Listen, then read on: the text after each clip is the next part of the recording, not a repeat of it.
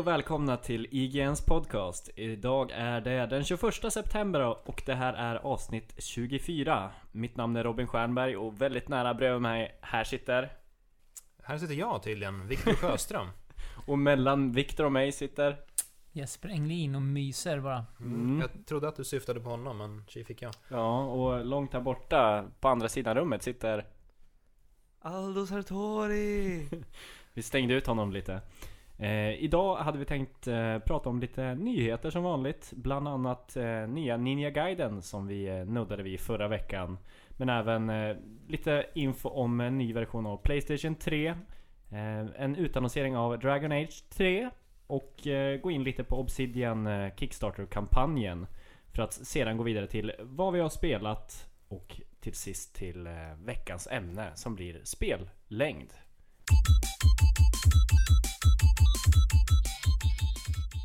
Då går vi vidare med läsarkommentarer som vi har fått på förra veckans avsnitt. Eh, Skirner SC skriver Vill tacka för att ni förgyllde min arbetsdag. Plöjde igenom podd 20 till 23 under dagen. Ni får gärna vidröra recensionerna med. Det gör nog inget om ni slinter in en review eller två under casten. Jag var skeptisk i podcasten i början, men ack så fel jag hade. Joakim. Mm. Tack Joakim. Tack så mycket. Tack, tack. Vi är också skeptiska. Hela tiden. Fortfarande. Ja, mot allt. Och eventuellt om det är farbror Joakim du är så kan ni gärna få sponsra oss med li- lite pengar. Nej men eh, det, det här är jättekul att höra. eh, Och eh, angående recensionerna så kan man väl på sätt och vis se eh, våra diskussioner om vad vi har spelat i veckan som en, en slags recension. Mm. Och vi eh, ska väl försöka i alla fall bli lite mer ingående där. Förtydliga lite vad vi tycker om spelen då. Precis. Oftast händer det ju att vi pratar om spel som vi inte har spelat tillräckligt mycket för att kunna recensera en. Så då kan man ju se det som, eller då får man se det som en, en review in progress. Mm. Eh, fick även en kommentar från eh, Tobias Hellgren på eh, Twitter. Som eh, kommenterade eller påpekade att jag och Aldo sa lite fel bland namn förra avsnittet och tyckte Han frågade om Viktor måste vara barnvakt här och tydligen, för vi sa ganska mycket fel. Mm. Eh, bland annat då att eh, Jag tror däremot att vi Jag är hundra på att vi nämnde att KJ Inafune är Megaman pappa men jag tror vi fick det att låta som att han blev känd genom att ha varit med och producerat Resident Evil-spelen. Okej. Vilket är väl lite fel men vi eh, var inne i zombie-kretsarna där.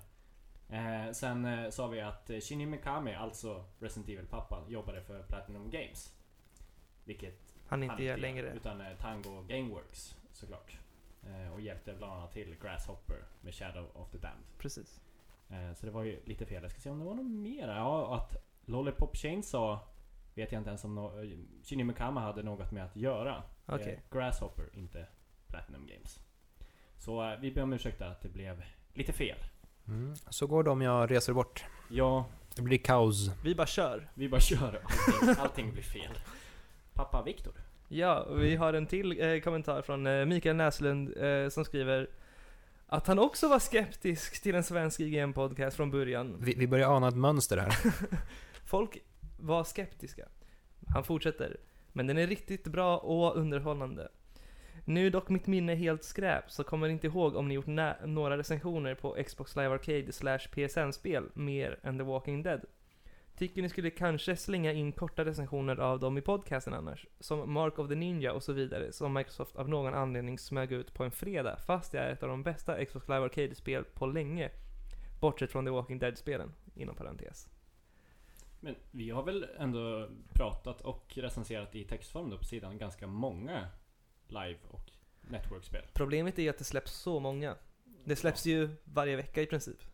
Mm. Eh, och vi försöker väl hinna med så många vi kan, men det är inte alltid man kan det. Nej, för jag vet, vi har ju pratat, var ju ett tag sedan nu i alla fall, med Minecraft till Xbox. Mm. Eh, jag pratade för någon vecka sedan om Dust and Elysian Tale.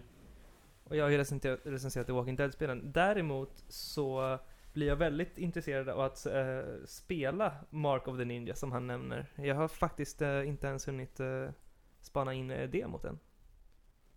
Eh, Har ni, har ni koll på det? Nej men det lockar eh, 2D eh, 2D-spel eh, lockar ju generellt. Det tycker jag är en av de bästa sakerna med, med Live Arcade. Att det finns så många välgjorda eh, 2D-spel. Det gillar jag verkligen. Mm. Mm. Och sen har vi även eh, eh, indie-sektionen på Arcade som är hysteriskt rolig fast av helt andra anledningar. För att allting ser ut som så här Photoshop-skit. Eller Minecraft-kloner. Mm, där Castle Miner Z och liknande. Fy Mm. fan. Eller de här dating-simulatorerna. Mm. Eller eh, vad heter det? Baby Maker Extreme. Ja, men, det är så här, det finns ju en hord av spel för så här, barn som inte vet hur de ska få tag på porr. Så de har så här, lagt upp halvtveksamma eh, Xbox Live Indie-spel med så här, dating-simulatorer med halvnakna tjejer och de ligger då och då på toppen. Mm. Så jag vill bara säga om det är några 10-13-åriga Vänta nu här, Vi- vilka ligger på toppen menar du? Om det är några tri- 10-13-åriga barn som faktiskt köper de här spelen så kan man ju faktiskt rekommendera ett par sajter, mejla mig så, så kan jag. Till tioåringar nu tror jag att vi faller på fel sida om eh, den legala linjen här. Ja, jag tror Det är Aldos bakgrund som talar nu. Men det är ju bara för att vi är jämnåriga med Aldo annars. Ja, jag tycker ni är lite, om ni inte tror att 10-åringar tittar på porr så tror jag att ni borde Vadå, så borde vi kolla på porr? Okej, vi, vi släpper den här diskussionen. Vi kommer, vi kommer försöka att eh, plocka upp godbitarna som vi har gjort eh, hittills kan man säga. På Arcade och eh, PSN. Absolut, och tack för kommentarerna. Mm. Tack så mycket. Fortsätt gärna att kommentera och ge förslag till vad vi kan prata om eller vad vi inte bör prata om. Precis, Mm. och recensera gärna oss på iTunes. Ja, var det inte någon person som ville att vi skulle snacka lite om I am alive också? Mm.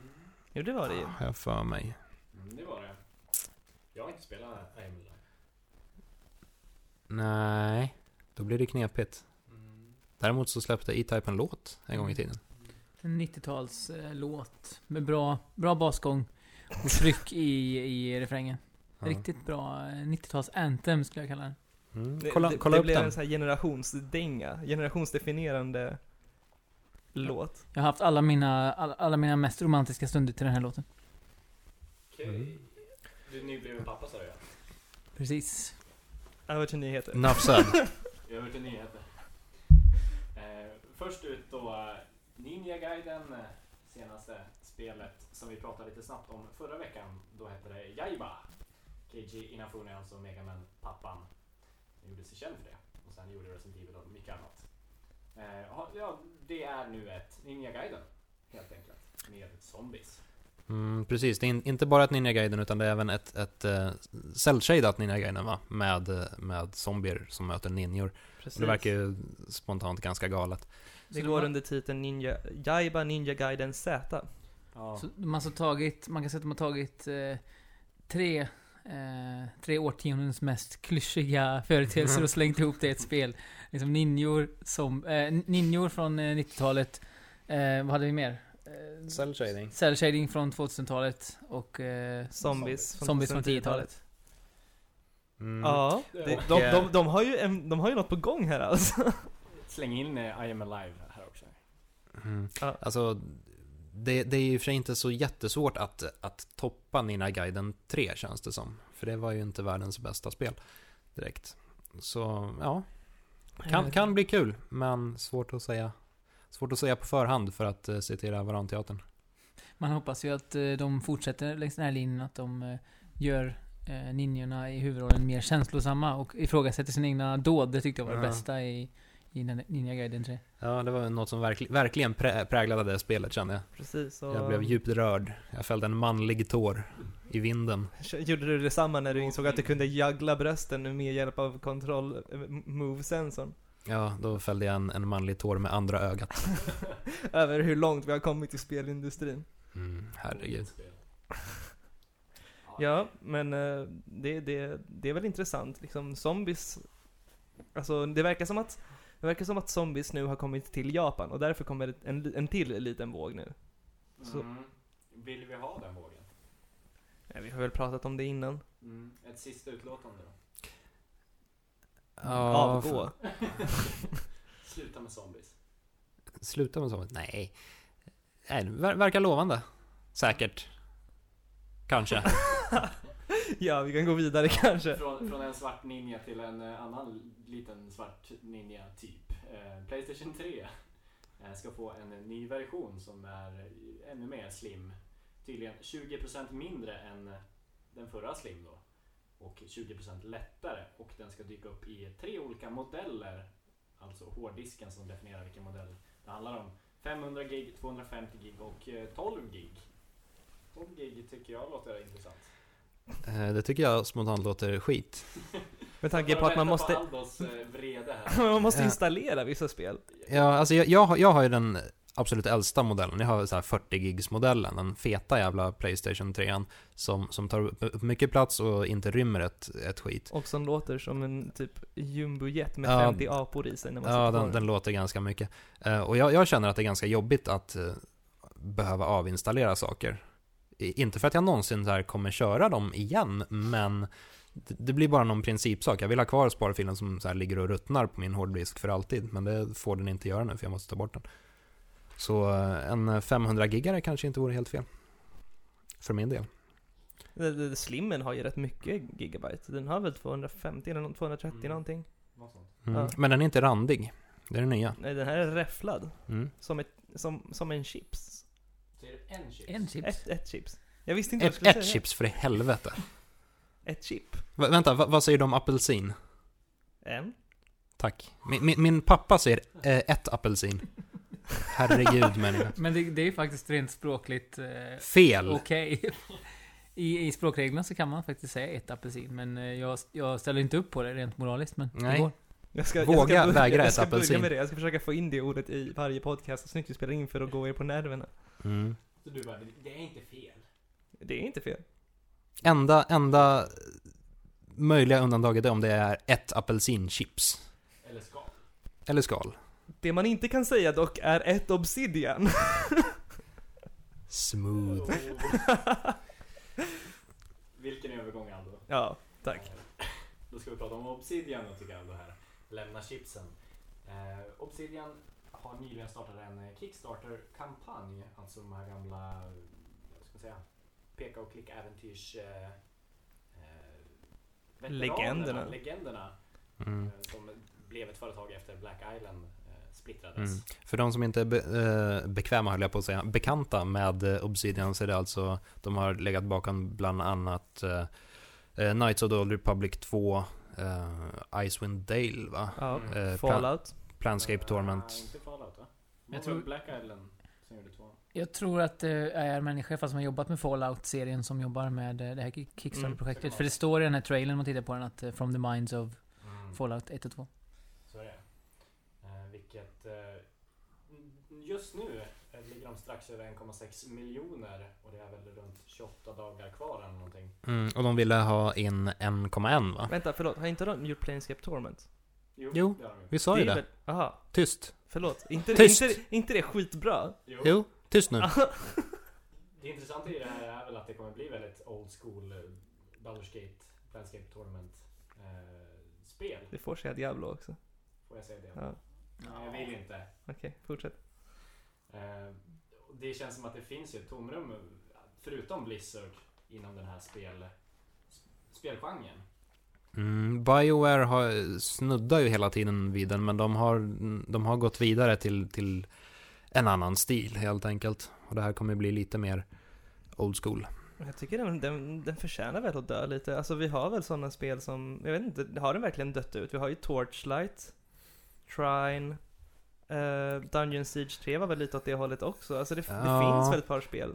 Fast, fast de handlar ganska mycket om, om just här, det, det spelmässiga. Det är väldigt mycket lootande och så. Mm. Ehm, och inte så mycket intressant story. Ehm, den här gamla typen av rollspel hade någon... De var balanserade på ett lite annat sätt. Ja det stämmer ju de, verkligen. de fokuserade mer på dialoger och, och berättelser. Det Absolut. kändes mer som en saga att spela till exempel Baldur's Gate 1 och 2 än vad det gör att spela Diablo eller Torchlight ju. Mm, eh, där det handlar mer om att hitta den bästa eh, bröstplattan. Men eh, jag tror att eh, om vi ska ju prata om Dragon Age lite senare här och det som många reagerade på, i alla fall i konsolversionen av Dragon Age 1, att eh, det inte gick att zooma ut, som det gjorde på PC till exempel. Och det var ganska mycket snack om det där just då att Eh, man, eh, jag är väl i alla fall besviken på, jag hade förväntat mig mer av ett Baldur's Gate-spel. Och nu får man eh, det ändå, förhoppningsvis. Så att jag, jag är peppad. Apropå det så har de sagt att det här kommer inte komma till konsol. Så för er som vill ha ett ordinarie datorspel så får ni det i och med det här. En annan intressant intressant aspekt av det här är också att de har satt upp ganska konkreta mål nu när de har övergått sitt ursprungsmål. Vad man får. Eh, till exempel nu 1,6 miljoner så kommer de utveckla en Mac-version. Med nya uppdrag och fler eh, platser och så vidare. Mm. 1,8 miljoner blir ytterligare en ny ras, klass och eh, companion. 2 miljoner så kommer de sätta in ett spelarhus. Där du, kan, alltså, du kan ha ett eget hus i fantasyvärlden. Eh, som du kan skräddarsy och eh, chilla i och förvara föremål och så. Sen 2,2 miljoner en ny region, ny fraktion och ytterligare en massa prylar. Eh, sen över det har de inte sagt riktigt vad man kommer få.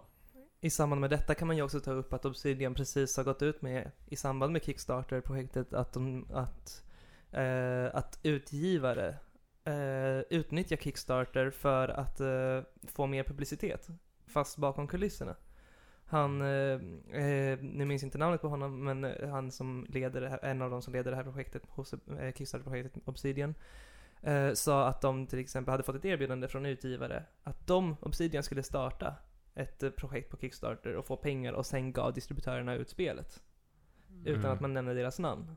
Mm. Eh, och då skrev han att han hade svarat att så ni vill att vi samlar pengar med vårat namn och sen liksom ger ni ut spelet utan att vi får pengar för det liksom så här. Och de bara ja.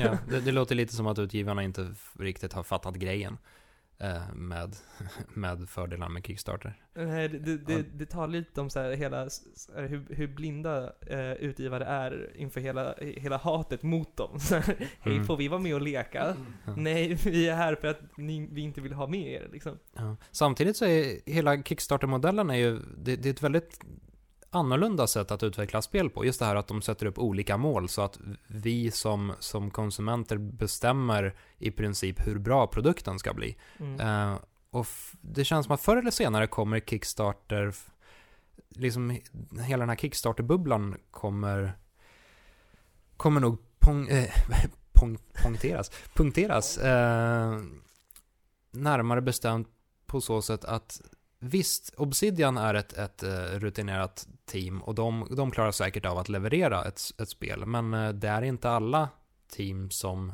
som är så pass eh, meriterade som Obsidian. Och liksom bara för att man har en budget be- behöver ju inte det betyda att man klarar av att leverera ett spel. Det är många spel, eh, Kickstarter starter och Sido, som liksom kraschar någon gång under utvecklingen för att pengarna tar slut och de har felprioriterat och de har fått slut på tid.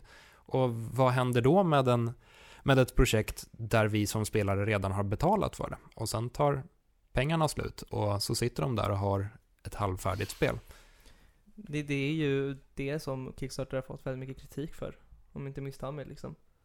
Uh, och det finns ju definitivt en risk för det. Och problemet är väl att det är liksom Kickstarter har, är ju för spelbranschen relativt nytt och det är inte liksom riktigt skördat sina Alltså det som, vi har inte fått det som vi har betalat för än. Så Nej. det återstår väl att se om, om sånt här kommer bli vanligt eller inte. Ja. Ja, det finns ju redan ett ganska bra exempel där. Starbase Command tror jag det heter. Det är ganska eh, hypat eh, iOS-spel som de, eh, de Kickstarter-kampanjade förra året tror jag va? Början av förra året eller sånt där. Eh, och sen eh, visade det sig att de fick ju en jävla massa pengar och det skulle gå att göra klart det här spelet. Men eh, de la pengar på fel saker tydligen. Så de startade en ny kampanj där de sa så här, ja men det här ska gå till eh, att göra en datorversion av det här. Och drog in mycket mer pengar på den än vad de har gjort på förra. Bara, "Hå, bra, nu kan vi betala våra räkningar som vi inte hade räknat med. Det blir lite fel. Så då kommer vi in på en på lite annan diskussion. Ska vi be- behöva sitta och betala deras hyra för att de ska utveckla ett spel vi betalar för? Nej. Som man ju redan har gjort i, praktiken genom att betala de pengar. Ja. Och där är väl lite skräckexemplet att ja, ska alla spel börja gå dåligt, bara, nej, men vi smäller upp en till. De får betala en gång till för det. här." Jag, jag känner lite så här att oftast, alltså de få fallen jag har gett Kickstarter projektpengar så har jag, har det varit den här 'Shut up, take my money' Mm. Eh, Vilka spel? Vilka spelare?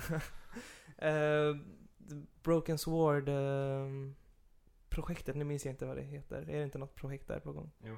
Jag tror det var det jag gav till, jag minns inte, var länge sedan. Eh, men det jag menar då är att eh, då, då vill jag ju det så gärna så, så jag hinner knappt tänka i de banorna att det kan gå åt helvete så. Det kanske är en risk man tar helt enkelt när man ger pengar och man kanske är lite medveten om det ändå. Jag säger inte att det är rätt, men jag säger att det Man får ta den smällen. eventuellt, ja. Ja, man ger väl ändå pengar. Inte betala för en vara. Alltså, Precis. Alltså, egentligen. Ja. Nej, det kallas ju för att funda liksom. Mm. Ja. Men men. Mm. Eh, Om vi går vidare till ett eh, spel som inte är Kickstarter-finansierat.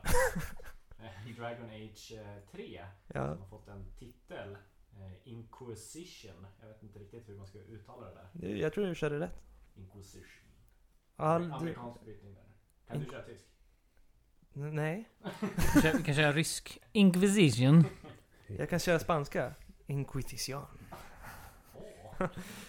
Eh, vi har inte fått någon, eh, någon releasedatum för det här eller någon eh, mer vidare information så. Eller betalt för att säga Inquisition eh, x antal gånger. Ja, ja, precis. Säger det mer än tio gånger så. Inquisizione. Det vi däremot har fått veta är att eh, det kommer baseras, eller fysikmotorn i spelet kommer baseras på Frostbite 2, alltså DICE eh, Battlefield 3-motor. Precis. De ska göra en, en sån, de ska bygga det på den motorn och göra den specialskräddad för rollspel tror jag. Mm. Det, det låter för mig väldigt intressant. För jag, jag, jag tyck, tyckte om Dragon Age 1 väldigt mycket och jag tyckte faktiskt även om Dragon Age 2 trots att det har fått ganska mycket skit.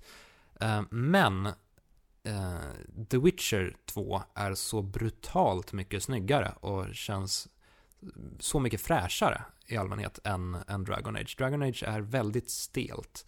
Och eh, ja, kan man få med en Frostbite-motor på det här så blir det ju grymt. För det var ju det man såg till exempel i Need for Speed The Run. Det enda som var intressant där var ju att eh, Frostbite-motorn kunde måla upp, stundtals i alla fall, väldigt eh, vackra miljöer och snygga effekter. Även om Mm. det varierade kraftigt. Jag håller helt och hållet eh, med dig Viktor om det och jag tycker det är väldigt viktigt med, om inte bra grafik så i alla fall grafik som kan uttrycka, som kan ge karaktärerna uttrycksfulla ansikten och så för att kunna relatera till dem. Speciellt i ett spel som Dragon Age. Men eh, Dragon Age 3 i, liksom, i det stora hela, vad, vad förväntar ni er av det? Ganska mycket. Jag, jag tycker att eh, jag, jag spelade ettan och tyckte att det var otroligt intressant. Men som Viktor sa, framförallt miljöerna tyckte jag var väldigt sådär stela och det kändes som att de hade nästan återanvänt miljöer och målat om dem i andra färger och det kändes inte alls Mm. fräscht som du sa. Så, mm, alltså det kommer handla om eh, en, eh, ett inbördeskrig eh, mellan magiker och mellan, vad säger man, templars, korsriddare i Mm. princip. Som den konflikten har ju legat i pyrt länge. Eh, och nu, nu ska det vara fullt eh, inbördeskrig i princip. Så att eh, det känns som att, och det ska vara storskaligt, det ska vara 4-5 gånger större enligt rapporter, vissa rapporter.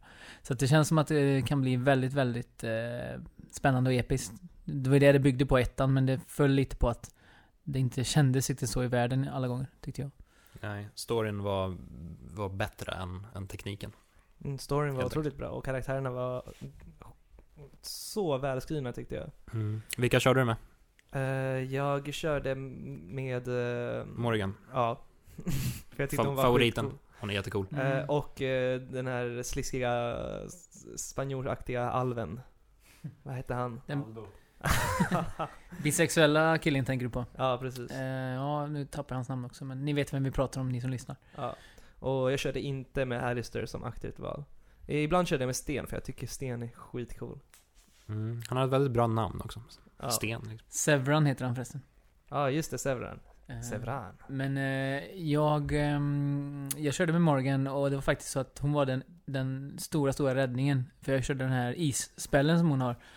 Eh, man kan slå sönder, man, man gör en fiende till is och sen, sen kommer Alistair och gör en eh, blunt attack. Så Ja. att eh, de splittras. Ja. Så man, man one, ja, instakillar dem i princip. Eh, sådär. Men jag, jag låg med ehm, Liliana. Vad valde ni? Eh, det var hon också faktiskt. Jag tyckte hon var väldigt söt. Mm, sa, samma här, det var verkligen... Eh, och sen är hon ganska komplex och spännande också ju, som karaktär. Visar sig en bit in i spelet. Mm. Tycker hon var skitjobbig. Vi tycker du är skitjobbig. ja, jag förstår det. Nej, men jag, jag, jag tror jag försökte få Morgan på rygg. Men eh, det gick inte så bra, så jag körde på Sevran till slut bara. Ja. Men då var han kvar i ditt, eh, i ditt eh, team eller? För att Ja. mig mig vände han ju ryggen åt efter... Eh, ja, han hade inte varit mer än några timmar i teamet innan han bara nej, nu ska jag döda er och ta era pengar. Bitches. Jag minns faktiskt inte. Jag, jag har kört så många gånger, men det här var min första, när jag körde första gången tror jag att han stannade kvar. Ja, det var ju ett tag sedan också, Mm. Dragon Age. Så ja, man börjar bli gammal och grå och Men- minns inte sina Men ungdomsäventyr. det som jag tycker är intressant också just det, om vi pratar om lite Baldur's Gate-aktiga spel tidigare. Tydligen så um, ska ju det här spelet, Dragon Age 3, gå lite mer mot det hållet också. Att handla mer om positionering och, eh, och gruppdynamik snarare än eh, att trycka på kombos på handkontrollen. Mm. Mhm. Eh, ja, Men det här, är ju, det här är ju väldigt intressant för att då kan vi ju gå vidare till nästa nyhet. ja det, det Eh, låter ju väldigt intressant med Dragon Age. Nu går vi härifrån. Nej men det, de hör ju samman. Eh, Bioware har ju passat på, utan, väldigt lägligt utannonserat Dragon Age 3 och ny single player DLC till Mass Effect samtidigt som de två grundarna Ja, just det. har avgått. Greg och Mm. Och, Va? Nej, de är bara två. Nu har vi bara två. aha. Jag trodde du sa, jag trodde du sa Gregory. Nej, Ray. Mass Effect, eller vad säger jag? Bioware-grundaren Gregory. Ja, Ja. det låter ju episkt. Åtminstone. Vilket, Det, låter som en sån här jävla Power Rangers eller Transformers-grej bara kombineras. Gregor Ray. Greg och Ray blir Greg och Ray. Ja, men det, det intressanta här är ju att, att Bioware har ju inte haft det så lätt det här året. Ehm, och har förlorat väldigt mycket fans sen, eh, sen folk har insett vad det innebor, innebar för det företaget att eh, bli en del av EA. Eh, och det här är ju, det är ju väldigt taktiskt drag och, och utannonsera Dragon Age 3 samtidigt. Det är, eh, de fattar ju att eh, det inte är så lägligt för dem att avgå nu. Men menar du att folk och du eh, inte är peppade på ett nytt Command and Conquer alltså? Varför skulle jag inte vara det? Och Var det inte så att de utannonserade ett helt nytt IP och så visade det sig att det var eh, Command and Conquer? Eller är jag ute och seglar nu? Det låter ju bekant. Mm. Mm. Viktor, pappa Viktor. Jo men de har väl pappa gjort Victor det här free to play Är det inte de som sysslar med free to play? Ja, Command and Det ser jättespännande ut. Nej precis Men, eh, ja så, så vad tror ni är, är framtiden för, för Bioware nu? Alltså Bi- Bioware har ju förberett sig på det här ett tag.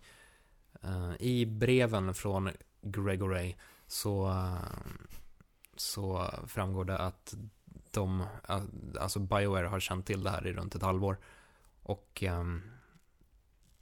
i- för, för vår del så bör det inte spela så stor roll. Absolut Vi, visst, de grundade Bioware en gång i tiden. eh, de goda doktorerna, men Bioware är ju ändå inte vad det, är, vad, vad det var Nej, dels är Bioware inte vad det var och två människor, hur, hur stora namnen än är, kan inte ha så mycket effekt på ett företag. Nej, och, Om man inte heter Steve Jobs. Mm, Ja. Och det gör ju inte Gregory. nej Nej, det var ju inte det. Men, eh, alltså det, det kanske inte betyder så mycket för oss men vissa fans, alltså fa- Bioware är verkligen ett företag som har sina fans eh, En väldigt stark fanbase Jag tror att de har tappat de flesta såna die hard fans genom senaste året. Ja förvisso men jag tror att, alltså Dragon Age 2 och sen Mass Effect 3 i slutet och... mm. Å andra sidan så, så tror jag säkert att de har fått många nya fans. Mm. Eh, Jag tror definitivt att eh, det finns många Mass Effect-spelare framförallt som inte har en suck om vad Baldur's Gate är. Ja, eller som bara inte bryr sig. Utan de ser ett eh, schysst och snyggt eh, actionspel med eh, bra story. Men antagligen så kan man ju också vänta sig att det blir väldigt mycket att de kör på starka... Jag, jag har en känsla av att Bioware kommer fortsätta köra på starka franchises nu också när de är en del av EA och det har ju varit så ett tag. Jag har svårt att se att de skulle börja satsa på nya lite mer kreativa projekt och det kan ju vara en konsekvens dels av tidsandan men också lite av av att liksom, alltså kreativiteten börjar sina nästan. Ja, spelen börjar sälja mer och mer. Det är ju ganska dumt från deras sida att släppa dem. Precis, men det är ju tråkigt att det ska vara så. Att, att gå vidare från dem menar du? Att släppa dem är väl ganska bra? Ja, du tänker så? Tänkte tvärtom. Could be. Eh, vi ska gå vidare till ett rykte. Eh, det här spelet ryktas om fan nästan varje vecka känns det som. Men det här ryktet är ganska intressant. Det handlar alltså om Half-Life 3, tror det eller ej.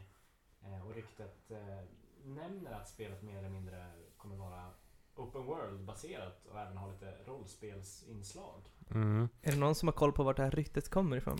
Det ryktet säger att, att det ska släppas bortom 2013 också? Mm. Är det inte så? Exakt. Så att det ligger fortfarande långt bort i tiden. Ehm, Ryktesväg så kommer det väl från träffa en kille här borta. Ja, kompis till kompisen. Ja, någon som kände någon som kände någon. Ja. Det är Eh. ungefär där, där Half-Life-ryktena brukar vara nästan. Ja. mm. Men det, det är väl en, en källa nära Volvo helt enkelt. Mm. Tror ni att det här stämmer? Kan mycket väl stämma, men eh, Det, eh, snudd på omöjligt att säga. det skulle ju på ett sätt... eh, Alltså... Ett, ett, som någonting som talar för det är ju att det har tagit enorm tid utan att man får reda på någonting egentligen. Och att de... Om de ska göra ett open world-spel så känns det som att det kan vara så pass komplext att det kräver den här tiden. Mm. Ja, det, det Eh. har du verkligen rätt i. Jag tycker oftast att det, det, det, det saknar mening att diskutera rykten när det angår ett spel som det har florerat så många rykten om. Ja. Under så lång En, tid. en, enligt just det här specifika ryktet så, så försökte de väl göra Half-Life 3 eh, till ett lite mer traditionellt och linjärt eh, actionspel till att börja med. Eh, men eh, sen fick de, eh, sen, sen blev det knas under utvecklingen och de fick, fick starta om i princip. Och Men- mm. går nu den här öppna vägen, vägen, vägen. Okej. För, för det intressanta som det här ryktet, alltså det intressanta att diskutera utifrån det här ryktet är ju faktiskt att spekulera i hur ett open world Half-Life kan te sig och, och, och vad man förväntar sig av det. Det känns ju lite som att de har i sådana fall kollat på Borderlands och sett att ja, det funkar med open world och rollspelselement i ett eh, FPS. Mm. Jag kan absolut tänka mig att Half-Life skulle funka som open world. Eh, om man kollar tillbaka på eh, Half-Life 2 så var det ju ett väldigt, väldigt lekfullt spel eh, med, med fysiken och Gravity Gunnen. Kollar man på Half-Life 1, vilket man numera kan göra i form av Black Mesa-remaken, så skiljer sig det, det ändå rätt mycket från dagens streamlinade spel. Det finns liksom rum som egentligen inte fyller någon funktion annat än att de skulle ha fyllt en funktion inom hela så här Black Mesa forskningsanläggningen. Mm. Ehm, och skulle man brodera ut det ytterligare med, med lite open world så tror jag inte det skulle krocka allt för mycket med, med den världs, världsbilden som Volvo har målat upp. Jag tycker det låter jätteintressant också för att eh, om man tittar på City 17 så eh, om man skulle ta bort alla liksom den linjära aspekten, äventyrsdelen och bara få röra dig fritt inom den eh, så skulle den fortfarande vara fantastisk. Alltså med Ravenholm, med eh, stranddelen och så vidare, att bara få röra sig runt där vore ju skitcoolt. Mm. De har ändå byggt upp en så intressant och cool värld. Ja, och så här sammanhängande Mm. framförallt. Mm. Det är väldigt många små detaljer som man inte tänker på till, till att börja med, men som, som har en, en mening. Första gången jag spelade igenom Half-Life 2 tänkte jag till exempel inte alls på att vattennivån hade sjunkit. Det var först eh, kanske andra eller tredje varvet som jag tänkte att vänta ett tag, hela kustlinjen är uppfuckad. Jaha, det hade Eh. inte jag tänkt på. Nej, eh, vattnet har sjunkit ett par meter och det beror på att, eh, och det här säger de inte rakt ut i spelet, men det går att läsa sig till via, eh, via så designdokument och så, att det beror på att Combine-armén har, har börjat tappa jorden på vatten. Jaha. Bara en liten, liten skitdetalj som, som bara har styrt hur spelet Ja, ser ut. men det är ju som så här åttaåriga, åtta, åtta timmars kriget som har tagit, ägt rum i spelet och så kan man inte, man får inte reda på någonting av det förutom om man kollar på tidningsurklipp och sånt. Mm. Det ger ju spelet ett, väldigt djup. Ja, det är alltid kul med spel som vågar lit, som litar på sin spelares intellekt. Eh, Ja. Vilket allt, allt för få utvecklare gör idag. Mm, intressant lager på lager-känsla som säkert skulle, skulle gå att, att göra väldigt roliga saker med i ett open world-spel. Mm. Det hade ju ändå, alltså tvåan, vissa aspekter av Open World. När man kör bil från ett till ett annat ställe så kan man ju svänga in ibland och hitta några stugor där man Mm. inte behöver Absolut. gå in. Mm. Det det jag brukar säga om, om, om Half-Life 2 och Va- Va- Valve i, som gör dem till grymma utvecklare är att de, de ger intrycket av att ha en öppen värld fast den är linjär. Mm. Det tycker jag, man ska känna att man har valfriheten att gå vart man vill fast man väljer att inte göra det för att de lyckas ge en små incitament som får en att röra sig mot dit man ska. Mm. Det gör dem till otroligt skickliga spelutvecklare. Ja, jag fick lite sådana vibbar från eh, Halo 2, Mm. eh, back in the days, 2004. Eh, så det är så. Mm. Mm. du har också upplevt det? Mm. Så är det. Eh, en snabb annan sista grej här nyhets, eh, på nyhetssidan är Eh, Tokyo Game Show eh, kör ju igång, eller den eh, har redan kört igång. Och en, vi har fått bekräftelse att Last Guardian lever. Det är till veckans trailer som är Yakuza 5. Jag har lagt ut en ganska utförlig trailer som visar de olika sakerna man kan göra i spelet. Vi kom väl fram till att det innebär allt. Du kommer aldrig någonsin behöva ett annat spel än Yakuza 5 om de lever upp till allting som trailern lovar. Mm. Är det något, de- dels en av de matigaste trailerna man har sett, men även en av de galnaste. Uh, och det, precis som de tidigare spelen så, så verkar det ju ganska kluvet på så sätt att eh, å ena sidan är, är spelet väldigt seriöst och det är, det är ju en Yakuza-historia. Eh, så självklart blir det seriöst. Folk går runt och dödar varandra. Eh, å andra sidan så är det bara ett totalt jävla japanskt flum. Vi har eh, ja, karaoke, baseball, eh, Dansuppvisningar. märkliga danser och Precis. så här Mycket bounce bounce. Alltså, ja. dating simulator. Och inte minst björnjakt som ser otroligt spektakulär ut. Där eh, han slår björnen i skrevet med en, eh, någon slags eh, hagelgevär. Jag tycker om den här scenen när han ska skjuta en baseball och kommer in i Super Saiyan mode och börjar Mm. brinna och skjuter iväg baseballen. Det var lite Ness-känsla över den eh, nästan. Men det- det väldigt jag tyck- anime. Jag, jag älskar ju Yakuza, Yakuza 3 och, och jag har inte hunnit spela 4 än men jag, jag tror att jag är, tycker om hela serien för jag, tror, jag fattar liksom vad den går ut på. Och det som är grymt är ju att de verkar ta tillvara på det som, som är japanskt och göra någonting så här lite småsatiriskt men ändå visa uppskattning till den japan, japanska kulturen på ett väldigt vackert sätt. Så vi, vi ser ju den här trailern så här, i ta, eh, japanska game shows. De vet att det, är en, att det är lite roligt med dating simulatorer som de inför det också. De har baseball som är väldigt, väldigt vanligt i Japan. De verkar ha slängt in Virtual Fighter där någonstans också. Ja precis, de har ju, alltså de har ju arkadhallskulturdelen med också, man kan besöka Club Sega-lokaler där. Och också häftigt i den här trailern får vi se att de har fem olika städer. Nu kan jag inte rabbla upp alla, men de har ju bland annat Tokyo, Osaka och eh, Kyoto tror jag att det var. Och Fukuoka och så en till som jag inte kommer ihåg. Men Ja. de, de såg väldigt, Var det Nagoya kanske? Ja, det var Ja. det nog. väldigt stämningsfulla såg de ut också. Precis. Mm. Kvällsbilder på samtliga. Ja, man såg den här stora eh, Osaka-krabban bland annat. Mm. Och, och det är ju väldigt fint för att, för att Japan är ju ett land som, i, alltså, är väldigt, det är ju ett avlångt land så att säga. Så det är ju väldigt mycket olika klimat i olika delar liksom. Åt norr så finns det ju snö och det är där de här bilderna från babianer som simmar i varma källor kommer. Så, och antagligen där man skjuter eh, björnar i snön. Mm. Så det, det kommer ju kanske tillföra en till aspekt i serien där man kan röra sig i olika typer av miljö som inte bara är städer och kanske ägna sig åt lite mer, som vi ser där, lite småjaktaktiga grejer. Småjakt. Mm. Ja, det, ver- det verkar vara en, en orgie i, i japansk kultur.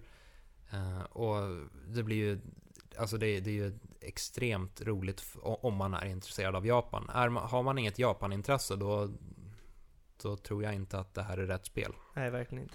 Jag har aldrig spelat något Yakuza-spel måste jag erkänna, men jag blev väldigt, väldigt sugen av den här trailern. Den knockade en lite grann med sin... Eh, hur innehållsrik den var.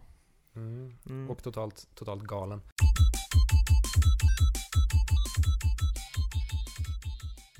Vad har du spelat i veckan då Aldo? Ja, jag har ju spelat eh, ett par spel. Eh, ett får jag inte prata om. Men eh, vi kan säga att det börjar på I och slutar på Hitman. Började på I. Nej, På Y tyckte du så? Hitman! Y, det fin- finska. Eh, det börjar såklart på uh, Hi Hi. och slutar på Hitman. Eh, jag har också spelat uh, jävla massa Tekken Tag Tournament 2 som jag pratade om sist. Då var jag inte lika positiv som jag är nu. Men nu är du taggad. Jag är så... I see what you did there. jag, jag är faktiskt eh, otroligt förvånansvärt överraskad av detta fantastiska spel. Man ser tydliga tecken på att du är taggad här i studion. Ja. Ehm, jag, jag har ju inte spelat Tekken på sen Tekken 3 och jag tycker det här är skitbra. Ehm, och så har jag spelat Tokyo Jungle. Det vill vi höra mer om. Ja, Tokyo Jungle har vi pratat om tidigare, speciellt då deras eh, galna trailer. Verkar vara, vi förstod inte alls vad det var då, vi såg bara massa galna djur som gick runt i ett förfallet Tokyo och eh, slogs, eh, smög runt eller eh, parade sig. Och det är väl ungefär, ungefär det man gör faktiskt. Det är väl ungefär det man gör i vanliga, i vanliga livet också skulle jag säga. ja, precis. Speciellt det här med att smyga runt gör man ju väldigt ofta. Aldo smög sig ner i spelgrottan. Ja, precis. Eh, men eh, det, det, är, det är skitkul faktiskt. Eh, jag- vi pratade lite om det tidigare innan vi gick ner i den här spelgrottan.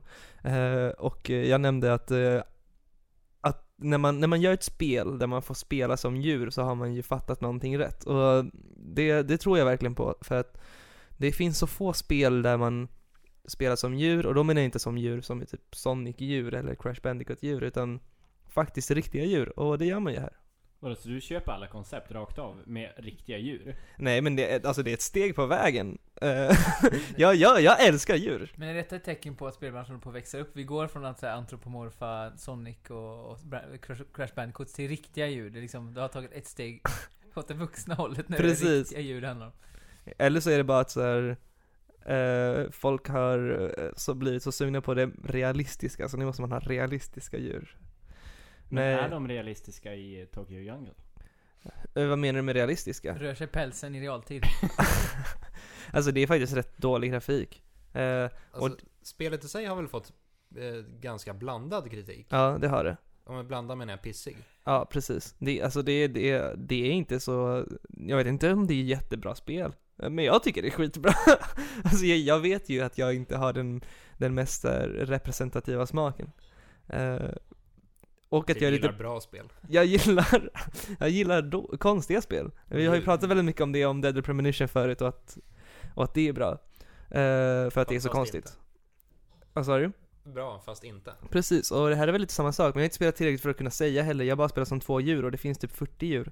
Eh, men kontentan av det hela är att det, det är lite arkadupplägg. Man, ska, man får se hur mycket man överlever i den här världen. Man börjar som ett djur, eh, och så får man... välja eller? Ja, precis. Men i början får man bara tillgång till en chihuahua eller en hjort. Vilken valde du? Hjorten. Har du gjort det än? Ja, jag, jag, jag har gjort det. Ja, och sen, gjort sen det, finns gjort det ingen det. återvändo. Gjort är gjort. Ja, precis. Hjort är gjort och kommer aldrig tillbaka. Det Eh, var en chihuahua. vad sa du? Det var inget. Eh, man, man, den andra var inte... Sa jag att det var en chihuahua? Ja. Det är en spets. Förlåt. Ja, Kan inte ändra det mitt i. historia här. Jo, det är ju det. Och hur som helst, får jag berätta om konceptet? Ja. Tack så mycket. Det, det man gör är att man börjar och så får man uppdrag. Första uppdraget är till exempel så här, eh, om man spelar som hunden då, är att eh, äta ett djur. Eller två. Och det gör man. Är uppdraget så? Ät ett djur eller två? Vilka djur som helst. Så som ja, som finns gör. där. Men man kan Även inte äta alla djur. Alltså jag, jag, jag var ju en liten chihuahua till exempel och träffade en flodhäst efter ett tag. Men var det en chihuahua nu då? Så att det var en hjort? Förlåt, det var en spets. Har du, har du verkligen spelat det spelet? Det låter som att du sitter och hittar på alltihop. Eh, Men det var bara för att jag, eh, min flickvän är så jävla inne på att skaffa en chihuahua så jag kan inte få ut det, det ordet ur huvudet känns det som när jag pratar hundar. Hur som helst, jag träffade en flodhäst eh, och anledningen till att jag träffade en flodhäst är för att ha, hela handlingen är ju att alla djur från, i Tokyo har flytt från sina zon så det har blivit en helt vild eh, grej av hela Tokyo. Varför har man en chihuahua eller en spets på ett zoo? Eh, alltså det är ju husdjur, så för husdjuren har ju också flytt och tagit över staden. Mm. Vart tog alla människor vägen? De blev uppätna. Av flodhästen? Dels det, Eller men också det, det, av andra grejer också. Ehm, och så, så försökte jag, hittade en flodhäst och så gick det ju inte. Eh, men de första djuren man äter är typ kanin, lite fåglar, uh, sådana grejer. Och sen så får man uppdrag att till exempel eh, markera sitt revir. Så jag gjorde det mitt framför eh, i Shibuya Crossroads, mitt framför den här stora byggnaden där Starbucks ligger i Shibuya. Eh, där, där de går i Lost in translation och tittar lite. Eh, och så markerade jag mitt revir där och så fick jag en hona och så gick vi till mitt place och hade sex. Ehm, Aldo berättar om sitt liv. Det här var alltså när du var i Tokyo förra året? Precis. Nej men det som hände sen är att man för vidare sina egenskaper och gener till sina barn. Och då fick jag till exempel två hundar. Eh, och vi spel och, och då blev jag dem. Och fick min fars egenskaper då. Det är faktiskt riktigt, eh, riktigt häftigt. Ja precis, och, och det som händer är att om man dör, då förlorar man spelomgången, så det är lite arkadupplägg. Man ska komma så långt i generationerna. Och man får uppdrag, och då fick jag till exempel ett uppdrag att, de blir svårare och svårare, och då fick jag ett uppdrag att ta över kattområdet i staden. Så, så då blev det någon slags gängkrig mot katterna. Det här spelet låter helt, helt makalöst fantastiskt. Jag måste spela. Ja, jag har det- ingen PS3, det är det som är problemet. Men jag måste låna med mig en. Det fantastiska ta- ta som hände När det går. Det fantastiska som hände när jag gick till kattområdet var att först kommer det lite katter och sen får jag ett uppdrag att i det här kattområdet måste jag, för att ta över markera mitt revir på det. Eh, så jag börjar gå runt här och markera mitt revir på två ställen, jag måste göra det på fem. Sen kommer jag in på några hustak, eh, eller upp på några hustak, och sen så har jag sprungit bort från så mycket, så många aggressiva katter, och så kommer det många mer, så till slut är det kanske 40 katter på skärmen som jamar och attackerar mig. Men har du dina hundpolare då? Nej, då var jag bara två hundar. Alltså det var jag och min brorsa. Och min brorsa dog rätt, min brorsa dog rätt tidigt för att jag offrade honom så jag kunde springa iväg från en hord katter, men så kom de ju ikapp mig. Eh, och så dog jag där, men det var- kändes ändå sjukt coolt för det var ju ett fantastiskt jävla hundäventyr liksom. Och då har jag ju inte ens spelat som flodhästen. Man kan säga att det var ett hundliv, men... ja, precis. Alltså anekdotmängden man ska kunna få ut ur det här är ju, är ju ett större, mångfaldigt större än Skyrim-anekdoterna. Känns som det finns en helt eh, enorm mängd att bara ösa ur här. Absolut, och jag tycker det är tråkigt att det här spelet aldrig kommer bli så stort för att eh, eh, Tänk expansionerna så här, eh, Tokyo Jungle, eh, Under the Sea och sådana grejer. Alltså det, här- det, här, det här kan ju bli skitcoolt liksom. Kan man vara fåglar och sånt i det här? Inte vad jag vet, men det kanske går. Men man kan ju vara dinosaurier. Ja, Just åh vad taggad jag är på att låsa upp Velociraptorn alltså. Ehm, så jag, jag kan ju återvända med små anekdoter till nästa avsnitt också, då kommer jag antagligen hunnit spela det mycket mer och kunna fälla lite mer slutgiltig åsikt. Det lär ju bli en recension också. Jag tycker vi skulle kunna göra en, en spin-off på IGN-podcasten som, som heter IGN eh, Tokyo Jungle Edition. Ska, jag skulle lyssna på varenda minut. Ja, precis. 15 minuter varje dag, Aldo berättar vad han har gjort i Tokyo Jungle. Vilka, vilka djur han har haft sex med. Ja. Vilka han har kissat på. Pan, Pandasexet känner jag kommer bli det, det bästa. Det är väl väldigt ömsint, tror jag. Eh, ja, det är en, alltså jag menar, ja, så ömsint som det kan bli i Doggy Style liksom. Men eh, vad, eh, just sexscenerna, är det liksom är det quicktime events? Är det Hot Coffee-modden? Alltså det, det som händer är att man, man går till ens place, som jag sa. Eh, Hur- Det här måste jag svara på först. Hur eh, kan man bestämma sitt place? nej, man har en liten höstack. Okej. Eh, men jag gillar att kalla det mitt place. Så kommer man dit och This is bara, my crave. This is where the magic happens.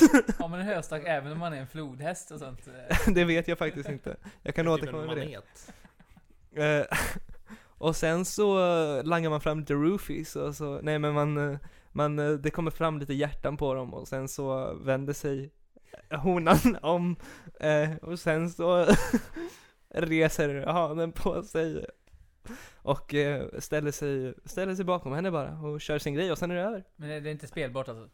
Nej.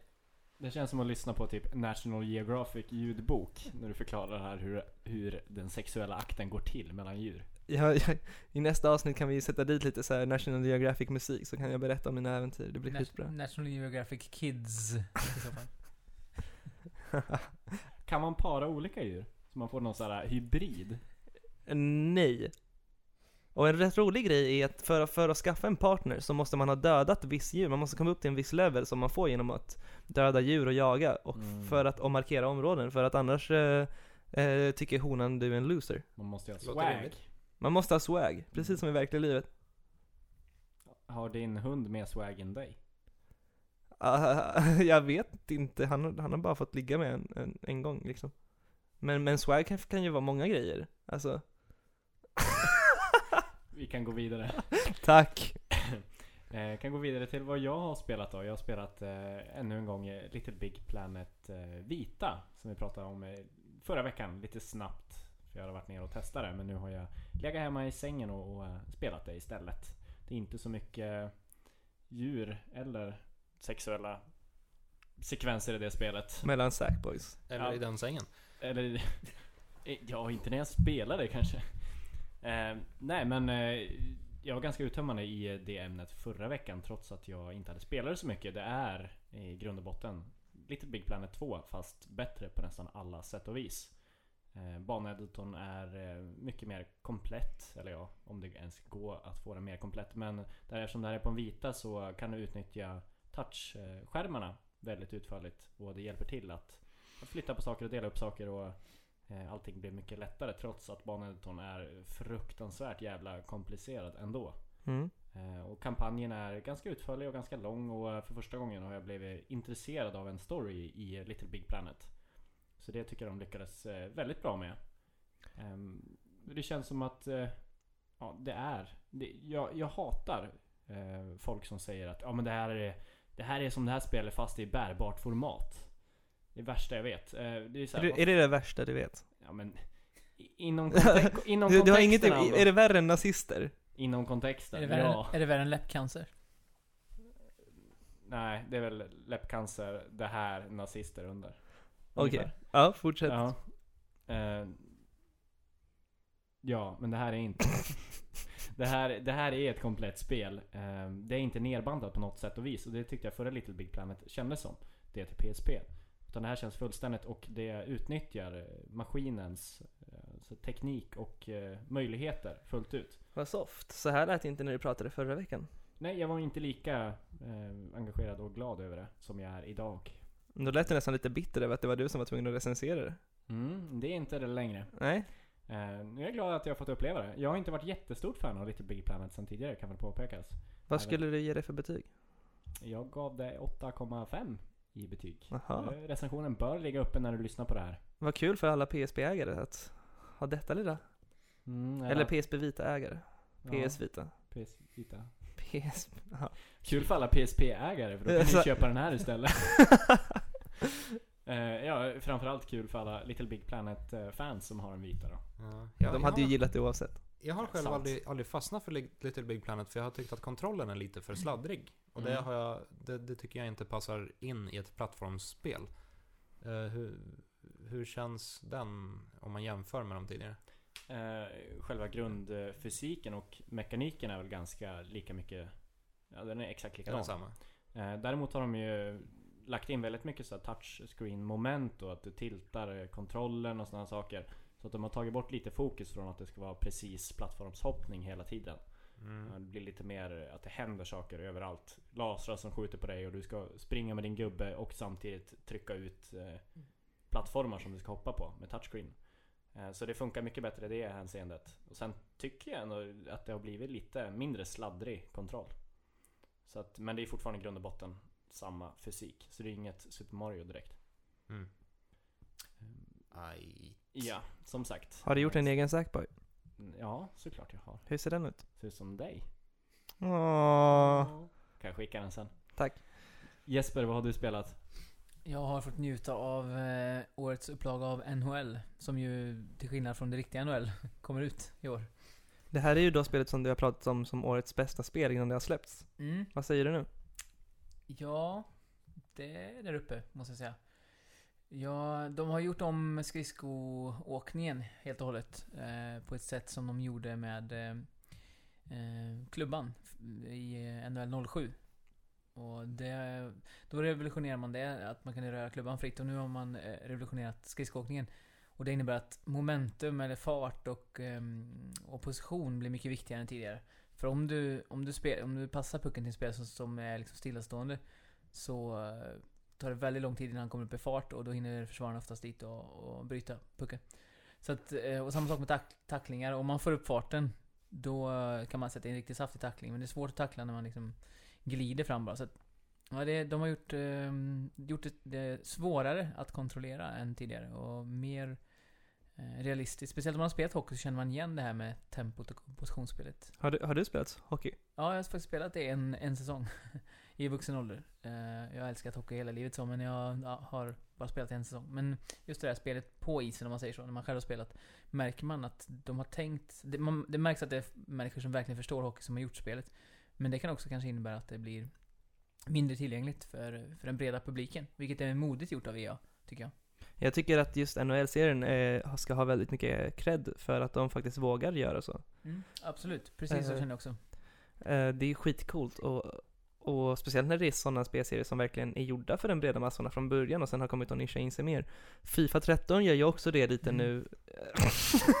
nu skrattar du Ja. Robin för att jag alltid vinklar in samtalet hitåt. Vad vi än pratar om så...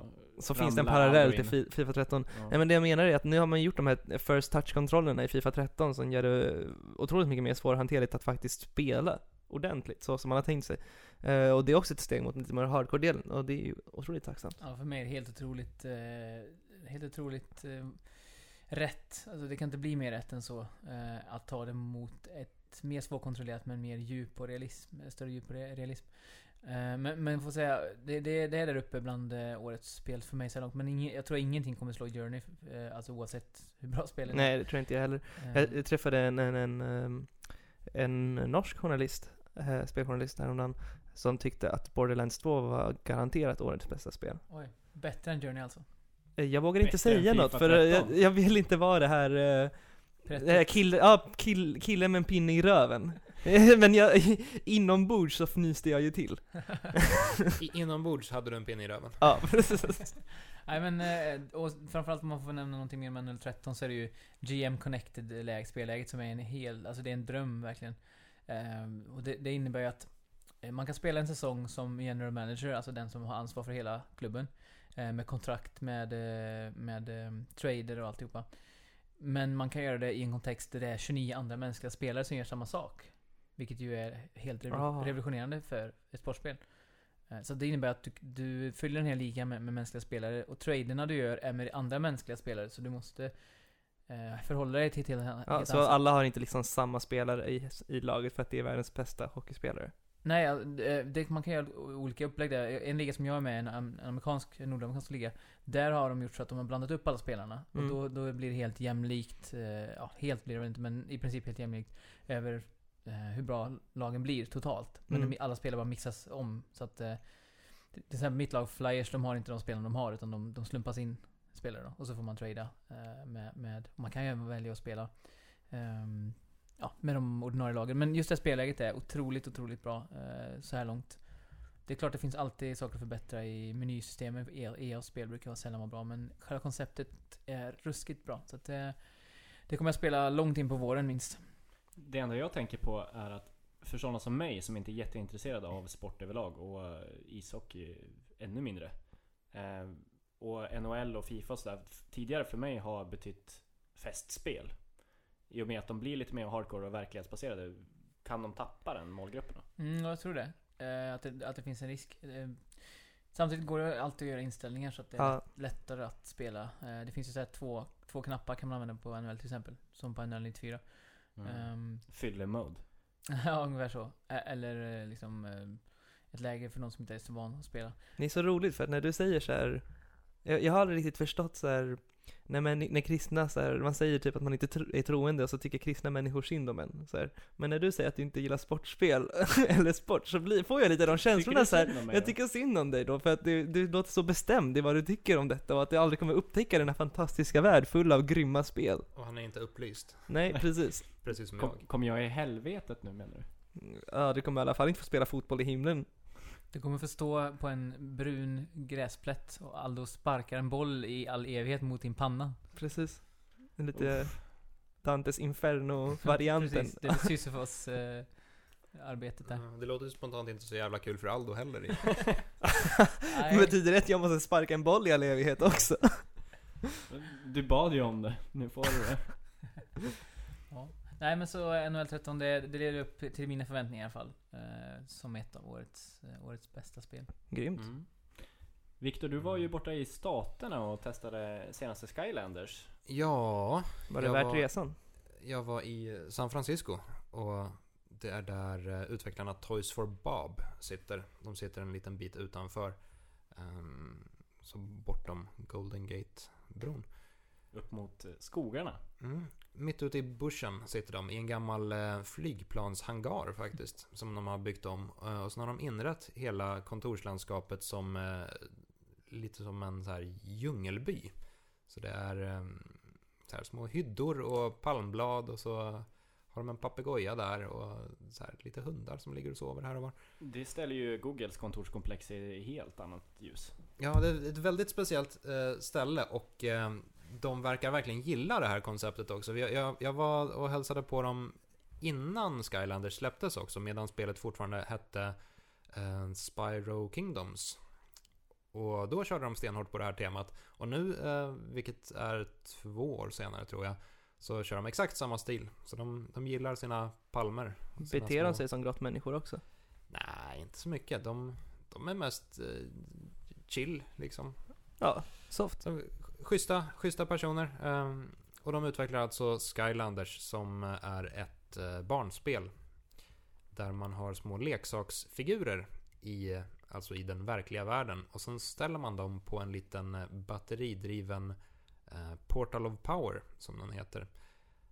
Som är USB, USB inkopplad. Det låter lite som SOM, en SOM-term det där. Ah, Portal Får du ställa dig i Portal of Power med disciplinbollarna så kommer jag med härskarhuvan och Ungefär så. smiskar och piskar. Men det är inte det det handlar om misstänker jag, som det är ett barnspel. Hoppas jag. Ja, man kan Ska säkert, rekryteras tidigt. ja, kan säkert använda det i lustiga lekar också, men det var inte det jag gjorde just den här resan i alla fall. Eh, Utan man ställer leksakerna på den här portalen och då transporteras de in i spelet. Det är en lite, lite cool, eh, cool gimmick förvisso, men det är, det är roligt. Och framförallt, alltså Skylanders har, har ju blivit enormt framgångsrikt, men framförallt så, så är det faktiskt ett bra spel och det gör mig lite glad att, eh, att ett barnspel ändå kan ha, ha den här kvaliteten.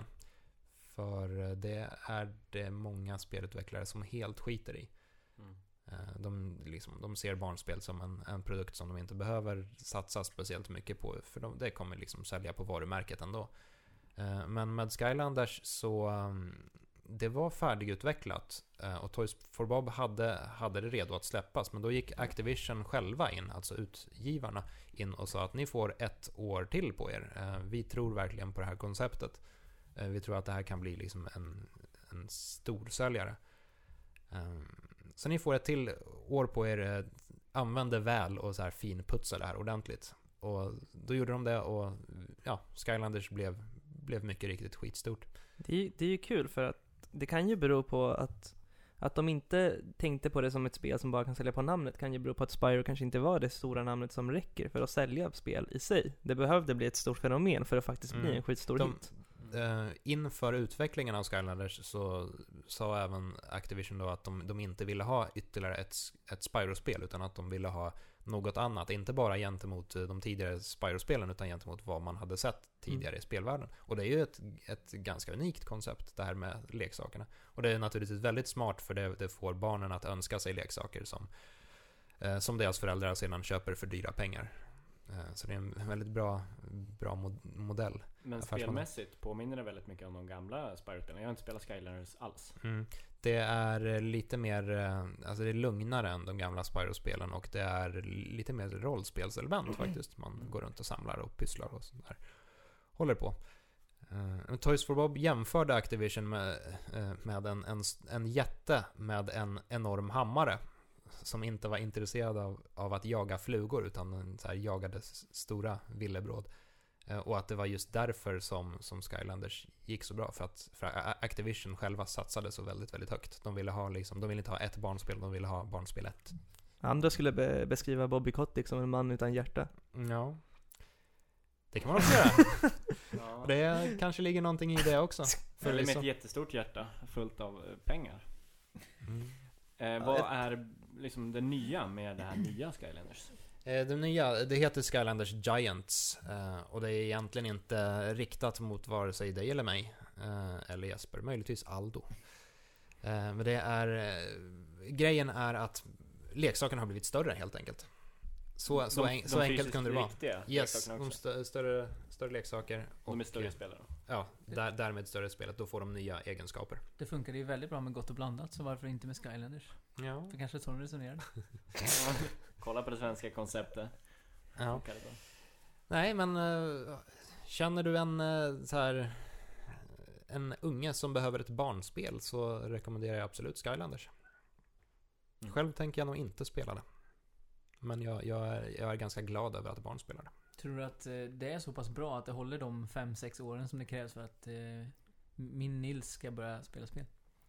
Eh, Jag tror nog, alltså baserat på hur, hur Skylanders har sålt hittills så känns det som att Skylanders varumärket kommer finnas om sex år. Så det är bara att börja köpa de här leksakerna så Mm. han har hela collection. Jag ska ut på Blocket, eller kanske Ebay, direkt här. Mm, då, då får man lägga ut ganska mycket pengar. Det är väl ett, vad kan det vara, 40-tal gubbar hittills. Men det finns ju vissa som är, eh, är värdefulla så här, ordentligt. Och de får man nog hosta upp rätt mycket för. Mm. Tur Kan vara värt Tur att mina fickor väller över av pengar just nu. Alltså. Mm. Det vi alla gör i den här eh, branschen. Vi är bara här för att tjäna pengar. Ja, och det gör vi ju i oanständiga mängder också. Yes. Dock pratar vi inte om att vi är tvungna att prostituera oss om nätterna liksom. Det utesluter vi. Det blev en så här obekväm eh, stämning när, när, när det bara är Aldo som vet vad han pratar om. Ja, eh, dags för eh, veckans ämne. Jag har då spelat, eh, som jag har pratat om tidigare i podcasten, har jag spelat Walking Dead-spelen och det är ju väldigt korta episodspel. Vilket fick mig att tänka på den klassiska frågan om kort versus långt. Vad säger alltså i ni? spelkontext då. Precis, vad säger ni? Är längden allt? Det är inte storleken som räknas. Nej men för att svara seriöst på frågan så eh, har jag i alla fall mer, ju, ju äldre jag har blivit, jag är bara 29 år, det låter som att jag är 80 men ju äldre jag har blivit desto mer uppskattat hårt fokuserade korta upplevelser. Eh, vilket kanske är också varför jag spelar väldigt mycket på min iPhone. Mm. Jag kan hålla med där. Jag är ännu yngre än vad du är men jag har också börjat gilla mer och mer de här väldigt fokuserade korta upplevelserna. Men samtidigt så har jag en väldigt förkärlek till både typ GTA och eh, Elder Scrolls-spelen. De är ju allt ifrån linjära och fokuserade. De är ju enorma. Mm. Jag älskar också det egentligen, och jag älskar framförallt konceptet fortfarande, men jag känner att det är sällan jag har eh, varken tid eller eh, koncentrationsspann för att orka med de spelen. Ja men där tycker jag man får göra någon slags skil- alltså, åtskiljning för att spel som GTA och, och eh, Skyrim behöver inte nödvändigtvis ha en kort eh, spel, eller en lång Mm. spellängd för att de är stora. Utan tvärtom kan de ju, jag tror jag inte spelat de, de spelen i mer än i alla fall 15 timmar liksom. Och visst det är rätt mycket, för- fast inte för ett sånt spel. Ehm, och jag är nöjd liksom med det. Jag har haft mina äventyr och, och, och så. Ehm, så där får man ju själv avgöra lite spellängden. Ja, man kanske ska stycka upp där i sådana fall friheten som en eh, som någon slags annan aspekt av det. Precis, där, där gör man ju själv spelet hur långt som helst. Då kan man ju prata om Minecraft till exempel. Minecraft Mm. är antingen hur kort eller hur långt som helst. Men riktigt korta spel är ju, och långa spel är ju, korta spel kan man ju tänka arkadspel. Där, där har vi ju kanske, eller man kan ju säga olika nivåer nästan. Indiespelen kan vi ju ha en kategori. Och det är de här spelen som kanske är eh, non-games, som var i kanske tre minuter. Mm. Eh, sen har vi eh, indiespelen på Xbox Live Arcade till exempel, som kanske varar runt 2-3 timmar. Eh, Sådana koncentrerade upplevelser. Och så har vi vanliga spel som har blivit från 8 till 12 timmar. Det är den vanliga spellängden idag skulle man väl säga. Och sen har vi japanska rollspel som ligger på 150 timmar Plus. plus. Om man, om man inte, om man bara kör igenom huvudstoryn. Det låter väldigt mycket. är det verkligen så långt? Nej men åt, eh, 60 timmar brukar man väl ha som, om man ska göra som försäljningsargument så brukar man väl köra ett, ett spel av 60, 60 plus timmar. Annars så tycker japanerna är för kort. Ja. För att de, de tycker om att nörda ner sig i sina stridssystem, hitta Mm. vapen och så vidare. Och episka stories. Och de tror att episka stories är synonymt med long story. Mm. Ett tag så var det ju nästan lite fult att göra korta spel. Eh, och det, kritikerna använde det liksom som ett argument mot ett spel. Att det här är, det här är ett kort spel. Eh, spela inte det. Det stigmat finns ju fortfarande kvar lite. Ja, fast det känns som att det börjar luckras upp lite nu. Mm. Och att det har gjort, gjorts just via indiespelen och Xbox Live Arcade, Playstation Network och så. Eh, en av mina absoluta absolut största spelupplevelser någonsin var, var det första Portal. Och det är Mm. inte många timmar långt. Jag Precis. klarade det väl på 2 kanske? Jag, jag tyckte, på tal om Portal, jag, jag, Portal 2 är ju inte så jättelångt heller, eh, om jag jämför med många andra spel. Men jag tyckte ändå att det var några timmar för långt, och då Ja. älskar jag ändå spelet. Mm. Alltså jag tyckte spelet var hur bra som helst. Men jag tänkte ändå så här, ja, men det kunde ha varit två timmar kortare, då hade jag njutit av det ännu mer. Eh, så det talar ju för att Då hade man inte hunnit bli missnöjd. Nej, man inte hunnit tröttna på att pussla som jag gjorde lite. Jag, jag youtubade faktiskt de sista rummen för att jag kände att jag var så nöjd med spelet. Jag ville inte hamna just i det där frustrationsläget som man kan göra ibland när man tycker att ah, nu vill jag bara komma vidare i ett pusselspel. Eh, Så jag youtubade och njöt av atmosfär och story. Där, där är ju Journey optimalt. Det är nog en av de få spel tillsammans med To the Moon som jag har sträckspelat. Mm. Samma här, vi, vi, vi liksom tog en kväll bara för att vi skulle kunna sträckspela Journey. Och faktum är att vi, ehm, vi blev så inspirerade så vi tog och sträckspelade även Flower direkt efter. Ja, mm, det är så himla bra. Nej men, eh, så jag, jag absolut som du säger, ark hela arkadgrejen och indiespelsboomen har ju definitivt eh, bidragit till att tänja på gränserna till hur kort ett spel får vara. Hur, hur, så här, hur långt tycker ni ett spel får vara? I vilka, och då pratar, måste man kanske ta in genre och så. Kan ni njuta till exempel av, av japanska rollspel på 60 timmar? 40 timmar? Ja, absolut. Eh, men jag, jag känner att jag har eh, mindre tid nu än vad jag hade förr. Så därmed så, så blir det färre spel av den typen som jag, som jag njuter av. Eh, Mm. Men Skyrim till exempel eh, har jag spelat jättemycket och det tycker jag om. Det verkar ju vara eh, ganska synonymt med spelbranschen över, överhuvudtaget att eh, linjära spel ska vara väldigt långa. För det är det som Skyrim och typ GTA och sådana spel gör att det sticker ut. För de är väldigt öppna. Samma Minecraft där. Kollar man på japanska rollspel överlag så var de ju väldigt linjära tidigare och extremt långa. Det har ju börjat försvunnit mer och mer. Varför tror ni det kommer sig? Ja, alltså det beror väl på. Alltså, am- amerikanska, eller västerländska spel är också väldigt korta och linjära. Alltså Uncharted-spelen är inte mer än 8 timmar, 10 timmar. Det är väl där man har hamnat nu liksom. Japp. Är, är det någon västerländsk tänk att vi vill ha konsista och korta spel? Jag tror definitivt att det har blivit lite mer så i och med att så många bra spel som är korta har blivit stora. Jag, alltså jag kommer ihåg att man reagerade lite när man, när man, när, när man spelade Halo och bara shit, det här har bara 10 banor, tänkte man. 10 banor, Mm. vad fan är det här? Eller så tänkte man ju inte, men man blev överraskad. Ehm, och det var ändå en kampanj på 10 timmar. Mm. Eh, och sen, så, sen dess tror jag att många spel har börjat, det, det satte någon slags standard där när de här spelen började ha 10 banor och sen har det kommit så här Gears of War, när det började, fem akter. Och sen så har man liksom, man, man har verkligen fokuserat spelupplevelsen mer. Men jag, jag tror att för min del är nog nästan det som du nämnde förut, Aldo, att mitt, min typ av favoritspel är nog linjärt och med en väldigt tät, tät atmosfär, men där man känner hela tiden att det finns någonting bortom horisonten som man skulle kunna utforska, men man, man gör inte det för att man vill helst gå den här vägen, som i själva verket är den Mm. enda vägen. Till exempel i um, Enslaved, som jag tyckte jättemycket om. Ja. Um, kände, kände så hela tiden, att det fanns en värld. eh, Jag, jag tyckte Enslaved påminde lite om Beyond Good and Evil på ett sätt i Mm. världen. Även, kanske, även om det kanske var lite mer vuxen variant av det. Men, eh, och de två spelen Ehm, är två bra exempel på det. Även om Beyond är väl kanske lite mer fritt. Men jag tycker att det är samma känsla där. Att det är ganska linjärt, men man känner hela tiden att jag skulle kunna åka vart jag vill. Men man gör inte det. Eh, den typen av upplevelse tycker jag är nog min favorit. Precis. Sen lär vi ju gå lite mer åt korta spelhållet också nu med iPhone-boomen som du nämner och så. Så, vad, vad tror ni vi kan förvänta oss av framtiden? Ja, det känns ju som att eh, om, om inte annat så kommer den vara väldigt så här, det, det kommer finnas plats för alla. Eh, och kanske också att, som du säger, att den naggar av, alltså den, den korta längden på många spel naggar av den långa längden, om ni förstår vad jag menar. Alltså att Mm. det, det finns inte riktigt vanan hos spelarna, alltså beteendet hos spelarna blir kanske ehm, att spela kortare stunder och därför kanske det inte finns, alltså spelföretagen kanske inte satsar på så långa spel eftersom att eh, det finns en, en, en kultur av att spela kort. Men det måste säga också att multiplayer-aspekten av, av spelen har väl nästan tagit över lite grann av det här eh, långa kampanjer. Mm. För att det finns ju människor som spenderar alltså, tusentals timmar i Battlefield eller eh, Modern Warfare eller vad det kan vara för någonting. Mm. Som ersätter längdmässigt. Det här kan man även jämföra med, med eh, spelbudget också.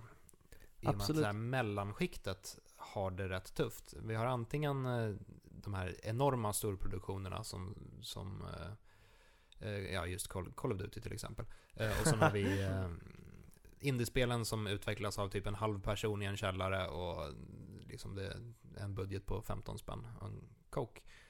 Eh, Men mellanspelen som till exempel senaste Silent Hill, Silent Hill Downpour, som ju varken är ett indiespel eller ett jätte, jättespel. eh, Den typ av, typen av produktioner ser man inte riktigt lika ofta längre. Eh, Och det kan mycket väl bli samma sak med, med längden då. Att vi får väldigt, väldigt korta spel och vi får, får spel som liksom ska bli, ska bli en hobby i princip. Det ska vara, det ska vara en tjänst snarare än, än ett spel. Det känns ju som det är där åt många stora, som du säger, många stora företag eh, syftar och när de släpper spelen att och det är multiplayer en jättestor del i det att förlänga livslängden. Det ska vara ett helt koncept i sig och det ska finnas finnas allting runt omkring och bygga ut så att det inte bara blir den här korta upplevelsen. För det är så de tjänar pengar också. Om man kan få någon form av eh, längd, att spelarna stannar vid ett spel Mm. under en lång period. Pers- personligen tror jag att, att långa spel med tiden kommer att dö ut och de en, jag tycker att det känns som att de enda som håller kvar vid riktigt långa spel, 20, 20-30 timmar, är just japanska studios och det är väl de enda som de kommer knappt undan med det liksom, man måste heta Shigeru Miyamoto och göra ett Zelda för att nästan komma undan med ett sådant spel idag. Annars, annars blir det liksom det blir så mycket, det har ju blivit lite mer så här incestigt säger man ju i Japan, att, att spelen liksom inte riktigt, att de vägrar anpassa sig. Vilket i och för sig kan ha sin charm och så. Men samtidigt så, du var ju inne på just generated content och att det förlänger ett spel. Det är ju samma som online, att man gör ett spel evighetslångt nästan om man gör det tillräckligt bra. Mm. Men just det med båda de aspekterna, men framförallt eh, egenutvecklat material till spel så släpper man ifrån sig lite liksom vad man själv behöver göra sen. Mm. Det är som Minecraft, även om de har fortsatt utveck- utveckla det väldigt mycket så är det ju inte de själva som har påverkat att det lever så länge. Just det. Eh, det där kan de ju tjäna en jävla massa pengar på för, just för att de slipper sitta och ja ah, men vi måste släppa nytt material hela tiden eller gjort ett jättelångt och jätteutförligt spel sedan tidigare. Mm.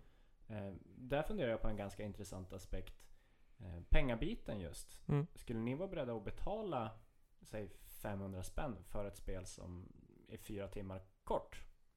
Även om det, säg att det är jävligt bra. Det är det som är intressant ju, för att alla vi som sitter och pratar om det här får ju våra spel generellt sett. Vi betalar ju sällan för ett spel. Och Precis. då, då är det lättare att tycka att, att ehm, en spelupplevelse som, som du säger är fyra timmar och som kostar 500 är okej. Eller så här, vi, vi, jag i alla fall, jag ser ju jättegärna korta koncentrerade upplevelser som är grymma och betalar eh, mer för det. Men det är lätt att säga när man inte betalar. Så det jag tycker är lurigt. Jag, jag tror att det finns en väldig... ehm, alltså för gemene man tror jag det finns en väldig spärr där. Mm. Eh, och jag, vet, Mm. jag vet inte exakt var den går. Alltså vid...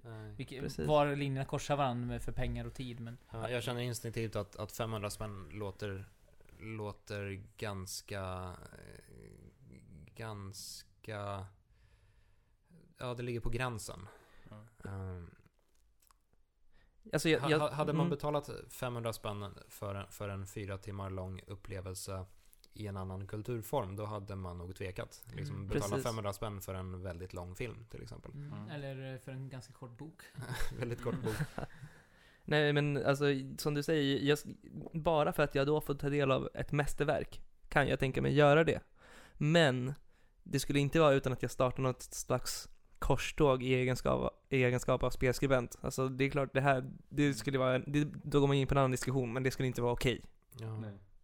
Det skulle, skulle vara liksom något av generationens främsta verk. Precis. Eh, förmodligen skulle jag inte göra det till, till standard. Att, Men- Och så här, rent, det är intressant, rent hypotetiskt, för att komma dit, inga distributörer kan ju komma dit. Det, det som krävs för att komma dit är att man måste se på spel kanske lite mer som, alltså enskilda verk, och kanske lite mer som, som bara finns i en viss mängd. Spel finns ju till alla, så. Om man tittar på konst istället, alltså om man blir lite mer, om man går lite mer åt det hållet, så här, man kanske bara skapar 500 exemplar av ett spel som är skitbra. Men här går man in på det här, eh, den historien om, eh, vad hette det spelet?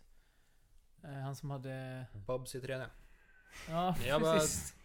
Nej, Skjuter från höften. nej det var inte det jag tänkte på faktiskt. Men det, det, är ju, det finns ju en story ehm, där det finns bara ett visst antal USB-minnen Mm. med en spelvärld. Just det, men är inte det Minecraft? Jo, precis. Det Mm, där de skickar runt eh, på forum är det väl? Och sen eh, måste du skicka vidare när du har spelat klart.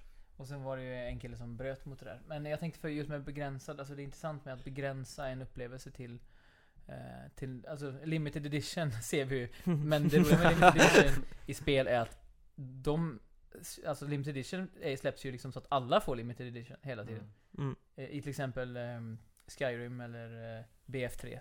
Så får ju, ja det finns ju nästan inte att få tag på liksom standardeditionen så. Precis. Det, det har de en väg att gå, men det, är det är intressant. Men, men då, ja.